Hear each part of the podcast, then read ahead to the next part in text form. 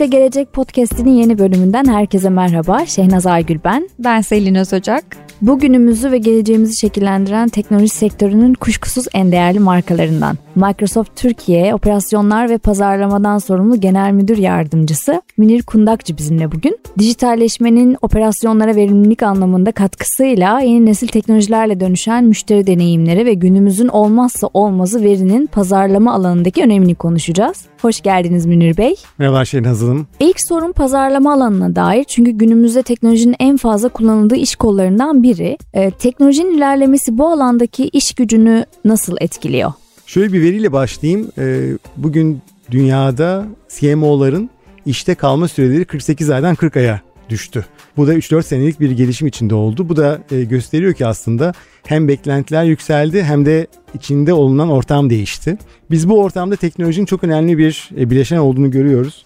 Bir araştırma var Gartner'ın yapmış olduğu. Bu araştırma diyor ki pazarlama bölümleri, pazarlama alanları ve fonksiyonları diyelim e, bütçelerin %26'sını teknolojiye ayırıyor. Bu aslında ajanslara yapılan ödemeden de e, ajanslara yapılan yatırımdan da e, medyaya yapılan yatırımdan da çalışanlara ayrılan e, bütçeden de çok daha yüksek. Bu aslında teknolojinin pazarlamanın içine ne kadar girdiğinin çok güzel bir e, göstergesi. Tabii bu kadar büyük bir paya sahip olunca etkin kullanımı da bir o kadar önemli hale geliyor. Biz bugün hemen hemen her alanda pazarlamanın her alanında teknolojinin kullanımını görüyoruz. Bu içeriğin oluşturulmasından içeriğin dağıtılmasına, müşterinin daha iyi anlaşılmasından, müşterinin beklentilerini karşılayacak çözümlerle müşterinin en doğru kanalda buluşturulmasına kadar birçok alanı e, içeriyor. E, tabii şunu söylemek lazım, biraz önce de bahsettim, daha zor bir ortam var pazarlamacılar açısından. Neden? Çünkü herkesin beklentisi arttı. Müşteri bir yandan benim kişisel bilgilerime saygı göster, benim bilgilerimi ulu orta kullanma diyor ama aynı zamanda beni iyi tanı, bana e, uygun çözümleri ver diyor. E, şirket yönetimi ben müşterime hem sadakat bağı oluşturayım aynı zamanda müşteriyle olan gelir ilişkimi kuvvetlendireyim aynı zamanda bunları yaparken maliyetlerimi aşağı çekeyim diyor. Bölümlerin kendisi de CMO'dan beni daha iyi tanı bana da bir şeyleri deneyeceğim bir ortam oluştur teknolojiyi iyi kullanayım yeniliklerin parçası olayım e, ve özgür olayım diyor. Dolayısıyla böyle bir karmaşık yapıyı yönetmesi ge- gerekiyor. Burada tabii teknolojinin olmazsa e, olmaz bazı avantajları var. Bunların arasındaki en önemlilerinden bir tanesi veri. Biz e, ortalama bir pazarlama bölümünün 15 ayrı yerden veri kullandığını görüyoruz. Kaldı ki bu daha da artacak. Bu ortamda bu kadar farklı yerden gelen verinin bir bütünsellik içinde ele alınması ve bu veriden doğru çıkarımların yapılması önemli konulardan bir tanesi. Hepimizin yaşadığı şeyler var. Örneğin bir markete gidiyoruz ve herkese açık bazı indirimler var. Bu indirimler mutlaka tüketiciyi mutlu ediyor ama indirimden yararlanmak istemeyen de yararlanıyor ve aslında markanın karlılığına oldukça olumsuz bir etkisi var. Dolayısıyla kimi ben indirimle çekebilirim, kime başka bir avantaj sağlamam lazım, kime daha kaliteli bir ürün vermem gerekiyor, kime sadakati için farklı bir şekilde teşekkür etmem gerekiyor gibi konuların anlaşılması için tüketicinin anlaşılması lazım. Bunun için de teknolojinin o tüketicinin her bıraktığı izde yola çıkarak daha e, iyi yorumlanması gerekiyor. Bir başka alan tabii e, farklı mecralardan, doğru kanallardan tüketiciye ulaşmak. Burada da e, önemli katkısının olduğunu görüyoruz. Bir önemli konu da müşteriyi yolculuğunda eşlik etmek ve ona yolculuğunda farklı zamanlarda ihtiyaç duyacağı bilgiyi verebilmek. Ben eğer yeni bir televizyon alacaksam şu anda kampanyası, fiyatı, nereden alacağım, stokta olup olmadığı önemli değil. Hangi televizyon seçenekleri var, hangi teknolojiler var ve bunların birbirine göre avantajı nedir? Bir ürünün özellikleriyle diğerinin e, farkları nelerdir? Evimde kaç metreden seyredeceğim ve buna göre hangi ekran almam lazım gibi sorular varken zaman içinde biraz daha işte ürüne, ürünün varlığına ve fiyatına ve ödeme kolaylıklarına doğru ve sonra da teslimat koşullarına doğru gidiyor. İşte bu yolculuğum sırasında sorduğum farklı soruların cevaplarını e, ne daha erken ne daha geç vermek, tam zamanda vermek için de teknoloji çok yerde kullanılabiliyor. E, biz bunu kendi dünyamızda da çok kullanıyoruz. Bir ondan da bahsedeyim son olarak. Sonuçta yaptığımız iş çok büyük ölçüde işin bir işin bir başka işle e, iletişimini gerektiriyor. Daha önceki deneyimimiz şuydu. Biz her etkinlikte her temasa kurduğumuz kişiyi bir potansiyel müşteri olarak görüyorduk. Ama bu müşterimizi çok sıkıyordu ve aslında bazı yerlerde de boşu boşuna müşteriyi rahatsız etmemize sebep oluyordu. Şu anda yapay zeka destekli bir sistemimiz var. Müşterilerle onlarca farklı kanaldan bazen yüzlerce defa temasa geçtikten sonra ve ancak ondan sonra müşterinin bizimle ilgili sıcak bir iletişime ihtiyacı olduğunu ve bu iletişim zamanının geldiğini anladıktan sonra o iletişim kurabiliyoruz. Bu neye sebep oluyor? Zamanından önce taciz etmemeye ama zamanında da cevapsız bırakmamaya yarıyor. Bunun için biraz önce konuştuğumuz teknolojinin tamamını kullanıyoruz. Peki pandemi sürecinde e, hepimizin hızla adapte olduğu uzaktan çalışma modeline de biraz değinmek istiyorum ben. Bu model yerini şimdi hibrit çalışma düzenine bırakıyor. Siz bu konuda nasıl bir strateji izliyorsunuz? Biraz da gelecek öngörülerinizi de merak ediyorum açıkçası. Sizce bu yeni düzen gelecekte şirketleri, sektörleri nasıl etkileyecek? Senem çok teşekkür ederim. Bu tabii gündemde olan bir e, konu.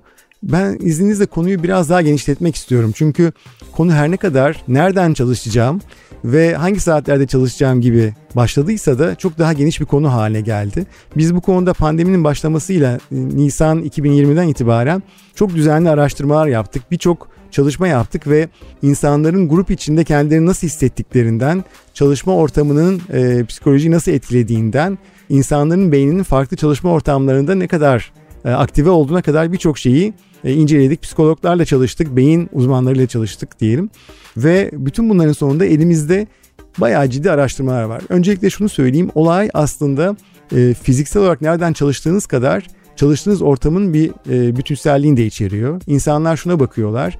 Ben yeterince alana sahip miyim? E, çalışma ortamında gereken kararları verebiliyor muyum? Bunun için yeterince özgürlüğüm var mı? Nasıl ölçümleniyorum? Ve aynı zamanda şirketin yaptığı ile benim yaptığım arasında doğru bir ilişki var mı? Dolayısıyla şirketin amacıyla benim hayattaki değerlerim birbiriyle uyuşuyor mu? Şöyle şeyleri gördük aslında ilginç sonuçlar var. Ee, bundan bir sene, bir buçuk sene kadar önce yöneticilerin %94'ü biz pandemiden sonra da hibrit çalışmaya devam edeceğiz dediler. Ama bugün Nisan 2020'de yaptığımız bir 2022'de yaptığımız bir e, araştırma diyor ki sadece %50'si hibrit çalışmayı destekliyor. Dolayısıyla aslında yöneticiler gelecekle ilgili öngörülerini değiştirdiler. Çalışanlar ne diyor? Çalışanlar bundan pek mutlu değiller. %53'ü diyor ki ben şunu gördüm son iki senede. Benim hayatım, ailem, sağlığım işimden daha önemliymiş. Bu daha önemliymiş diyenlerin sayısı %53 arttı. Ee, yanlış ifade ettim biraz önce. Ee, bununla beraber çalışanların %52'si de diyor ki ben şu anda çalıştığım şirketten ayrılmayı düşünüyorum. Bu tarihte az rastlanan e, oranda yüksek bir oran. Bunun arkasında da işte biraz önce bahsettiğim konu var. Sadece günde en az 3 saatini ofiste geçirmen lazım. Haftada 3 saat ofiste olman lazım gibi konular değil konular. Kişiler şirketimin e, hayattaki amacı ne? Hangi değerleri temsil ediyor ve bunlar e, benim e, yaşam biçimim uygun mu? Yöneticim beni anlıyor mu? Yöneticim beni destekliyor mu? Benim geri bildirimimi e, alıyor mu? Kararlarıma ve tercihlerime saygı gösteriyor mu gibi birçok konuyu içeriyor. Dolayısıyla bu hibrit çalışmayı bunların bir boyutu olarak almak lazım. Ve şunu gördük hibrit çalışmayı sadece kavramsal olarak destekleyen değil aynı zamanda teknolojik olarak da doğru uygulayabilen şirketler çalışanının kalbini kazanıyor. Aksi takdirde e, uzaktan bağlanmanın bir kabus olduğu, sesinizi duyuramadığınız, toplantı odasındakilerin kendi aralarında dışarıdakileri dışlayarak konuştukları bir ortamda kişiler de kendilerini çok mutlu hissetmiyorlar gibi de bir gerçekle karşı karşıyayız. İş yapış şekillerimizde ve teknolojide hızlı değişimler, dönüşümler yaşadığımız bir dönemdeyiz. Hiper dönüşüm diyebiliriz hatta bu döneme. E, Türkiye'nin konumunu aslında sizden biraz dinlemek isteriz. Önümüzdeki yıllarda hangi alanlarda dönüşümler ve teknolojiler bizi bekliyor? Evet e, şöyle söyleyeyim aslında bu konuda net bir resim yok. Tek bir resim yok. Farklı resimlerin karması e, bir resim görüyoruz. Çok yenilikçi, teknolojiyi sonuna kadar kullanan, e, dünyadaki rakiplerinden bu konuda yaratıcılık konusunda da yenilikçilik konusunda da e, öne çıkan firmalar olduğu gibi kendi işimi kendim görürüm. Çok da teknolojiye ihtiyacım yok. Ben zaten işime sahibim, hakimim. Yaklaşımı da söz konusu. Bunu rakamlarla konuşacak olursak Türkiye'de orta çaplı bir firma Güney Afrika'dakinin dörtte biri, Polonya'dakinin e, yarısı kadar para veriyor teknolojiye. E, büyük şirketler için de durum çok farklı değil. Büyük şirketlerde Polonya'dakinin üçte biri, Güney Afrika'dakinin yine dörtte biri kadar yatırım yapılıyor şirket başına. Böyle baktığınız zaman ciddi bir fırsat kaybı söz konusu bana soracak olursanız. Neden? Çünkü teknoloji konusunda yapılan yatırımlar kendisini çok kısa zamanda ödüyor. Dolayısıyla yapmadığınız bir yatırım da geriye almadığınız bir e, dönüşe karşılık geliyor. Bu anlamda e, bazı fırsatlar olduğunu söylemek mümkün. Ama aynı zamanda şunu da gördük. Son iki senede kimi zaman mecburen yapılan e, bazı yatırımlarda bazı konulardaki görüşlerin değişmesine sebep oldu. Örneğin bizim 2-2,5 sene önce sorsanız 6 aydır, 1 yıldır, 2 yıldır konuşuyoruz dediğimiz bazı projeler pandemiyle beraber eve kapanmamızla 1-2 hafta içinde yapılır hale geldi. Ve sonra şu oldu, korktuğumuz kadar değilmiş dendi. İki temel konu var burada. Bir, çalışanın uzaktan çalışması mümkünmüş ve bu verimliliği etkilemiyormuş, çalışanımızın gözümüzün önünde olması gerekmiyormuş gibi bir sonuç çıktı.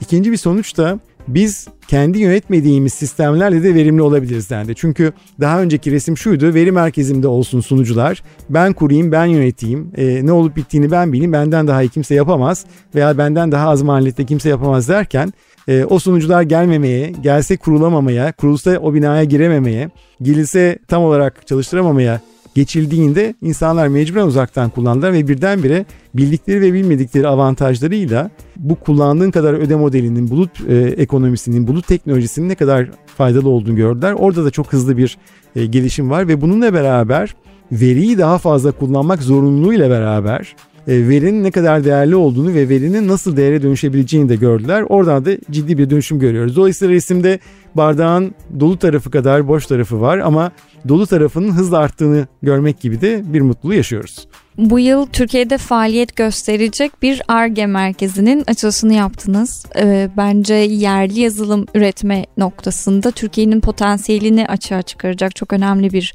adım. Biraz buna da değinmek istiyorum. Biraz da girişimcilere yönelik olan Founders Hub programınızdan bahseder misiniz bizlere? Tabii memnuniyetle bunlar da çok sevdiğimiz e, iki konu. ARGE e merkezi bizim için çok değerli. Biz öncelikle eğitime çok önem veriyoruz ve Türkiye'de çok kaliteli insanın olduğunu ve bu insanın doğru pozisyonlarda harika işler yapabileceğini görüyoruz, biliyoruz, yaşıyoruz ve bunu dünyanın da bilmesini istiyoruz. ARGE merkezinin bizim için en büyük avantajlarından bir tanesi bunu gösterebilmek. Şu anda e, büyük bir ekip dünyada herkesin kullandığı veya en azından büyük işletmeler diyeyim, büyük işletmenin kullandığı rakibi de pek olmayan bir ürünü büyük ölçüde Türkiye'den geliştiriyor. Ve bu ürün dünyadaki birçok işletmenin açık kaynak üzerinde e, çok karmaşık ve çok yüksek hacimli e, veri tabanı ihtiyaçlarını karşılıyor. Oldukça da ciddi bir maliyet tasarrufuyla karşılıyor. Biz bunu Türkiye'den yapabilmenin gerçekten hem insan kaynağımıza hem de Türkiye'de teknoloji gelişimine çok iyi bir örnek olduğunu düşünüyoruz. Buradan yenilikçiliğe belki geçelim. Founders Hub e, nedir? Founders Hub bizim yeni girişimlere destek programımız. Girişimlerin hangi aşamada olursa olsun ben bir fikir aşamasındayım e, noktasından fikrimi hayata geçirmeye başladım noktasına. İlk müşterilerimi buldum artık yavaş yavaş büyüyor, e, büyüyorum noktasından. Artık hızlı büyümek istiyorum adımlarımı sıklaştırmak istiyorum noktasına kadar. Her aşamada destekleyen teknoloji desteği sağlayan kendi yazılımını geliştirmesi için gereken ortamın desteğini sağlayan, aynı zamanda işini yönetmesi için gereken ortamın desteğini sağlayan, bunun yanına hem teknik hem de iş anlamında mentorluk hizmetlerini, desteklerini aynı zamanda tanıtım anlamında ortaya çıkan e, ürünü veya hizmeti dünyanın farklı yerlerindeki müşteriyle buluşturma anlamında destek sağlayan oldukça kapsamlı bir program. E, şu ana kadar e, yaklaşık 2 ay oldu duyuralı. Bugün itibariyle 500'den fazla 600 e, yakın aslında demek lazım. Şirket başvurdu. Bunlardan yaklaşık 300 tanesi programa dahil oldu. E, bunlardan 200 tanesi de programın avantajlarını kullanmaya başladı. Bu da aslında şu anlamda cesarete veriyor. Bu kadar firma yeni e, bir teknoloji için ama sağlıkta ama perakende de ama finans teknolojisinde iş yapıyor. Ve biz de bunların parçası olmayı ve onları desteklemeyi bir mutluluk olarak görüyoruz. Münir Bey verinin öneminden bahsettik. E, analiziyle birlikte gelişen pazarlama dinamikleriyle beraber müşteri deneyimi yolculuğunu nasıl etkileyecek bundan sonraki süreçte? Evet bu da aslında pazarlamanın aradığı cevaplardan bir tanesi ve teknoloji burada da büyük ölçüde e, e, fayda sağlıyor. Biraz önce bahsettiğim birçok firma şu anda 15 ortalama 15 farklı yerden veri topluyor. Bunun 45'e çıkmasını bekliyoruz önümüzdeki 1-2 yıl içinde. Dolayısıyla bu kadar farklı yerde müşterinin bıraktığı izden doğru yorum yapabilmek önemlisi. Müşteri e, hangi kanalda, hangi ürünle ilgili nasıl bir etkileşim içinde oldu? O etkileşimi devam ettirmediyse niye devam ettirmedi? Devam ettirdiyse devam ettirmesine ne sebep oldu? Hangi e, noktalarda markayla e, deneyimi fizikseldi, hangilerinde daha sanal bir deneyim oldu? Bunlarda nasıl bir e, deneyim elde etti ve bu deneyim daha sonraki deneyimleri nasıl taşındı gibi birçok sorunun cevabını başka türlü takip etmek mümkün değil. Bugün birçok kurum buralarda farklı yerlerdeki verileri birleştirmekte ve yorumlamakta zorlanıyor. Orada da e, bazı veriler var. Örneğin şirketlerin %90'ından fazlası verinin kendisi için hayati önemde olduğunu söylüyor. Ama sadece dörtte biri bu veriyi hakkıyla kullanabildiğini kabul ediyor. Dolayısıyla o anlamda e, büyük bir e, boşluk var. Bunun da sebepleri son derece çözülebilir sebepler. Burada tabii müşteriyi doğru anlayabilmek için yapılması gereken çalışmalar da var. Biz bunların bir kısmında normal mantığın değil e, bir yapay zeka mantığının gerekli olduğunu düşünüyoruz. Çünkü insan zihni belli bir boyuttan fazlasını ele alamayacak limitlere sahip. Halbuki yapay zeka size bu biraz önce bahsettiğim 40-45 tane kaynaktan gelmiş farklı zamanlarda ve bazen e, birbiriyle ilintisi zor kurulacak veriyi e, değerlendirme fırsatı veriyor. Bir örnek vermek istiyorum ben bu konuda. Bir bankadan bir örnek bu. Bir yapay zeka uygulamasıyla müşterilerinin neye ihtiyaç duyabileceğini ve neyin teklif edilmesi gerektiğini ortaya çıkarıyorlar ve bunu müşteri temsilcileriyle paylaşıyorlar. Müşteri temsilcileri bunu kullanmayı reddediyor. Diyor ki ben müşterimi gayet iyi tanıyorum. Ben Selin Hanım'ı çok iyi biliyorum. Şenaz Hanım'ı çok iyi biliyorum. Onların ne ihtiyacı olduğunu biliyorum. Zaten teklif ettim.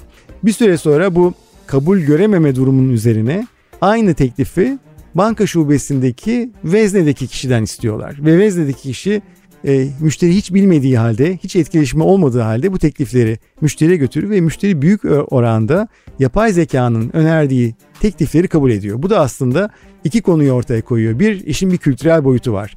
Veriyi sadece kullanmak değil, veriye güvenmek ve kararlarınızı veriyle ve verinin olduğu yerde sadece veriyle vermek gibi bir e, kültürün yerleşmesi lazım şirkette. Ama aynı zamanda verinin müşterisini çok iyi tanıdığını düşünen kişiden de daha değerli bilgi üretebildiğini de gösteriyor. Ben bunu bir örnek olarak paylaşmak istedim. Münir Bey çok teşekkür ederiz programımıza olan değerli katkılarınızdan dolayı. Tekrar görüşmek dileğiyle diyorum. Yeni gelişmeler, yeni teknolojiler üzerine konuşmak için. Ben teşekkür ederim Şehnaz Hanım. Ee, sorular e, fikir de açıyor. Aynı zamanda düşünmeye de sevk ediyor. Ben çok zevk aldım bu sohbetimizden. Sadece sektörün değil bence tüketici olarak bizlerin de merak ettiği pek çok soruyu yanıtladık bugün beraber. Ağzınıza sağlık. İyi ben ki teşekkür geldiniz. ederim. Sağ olun senin.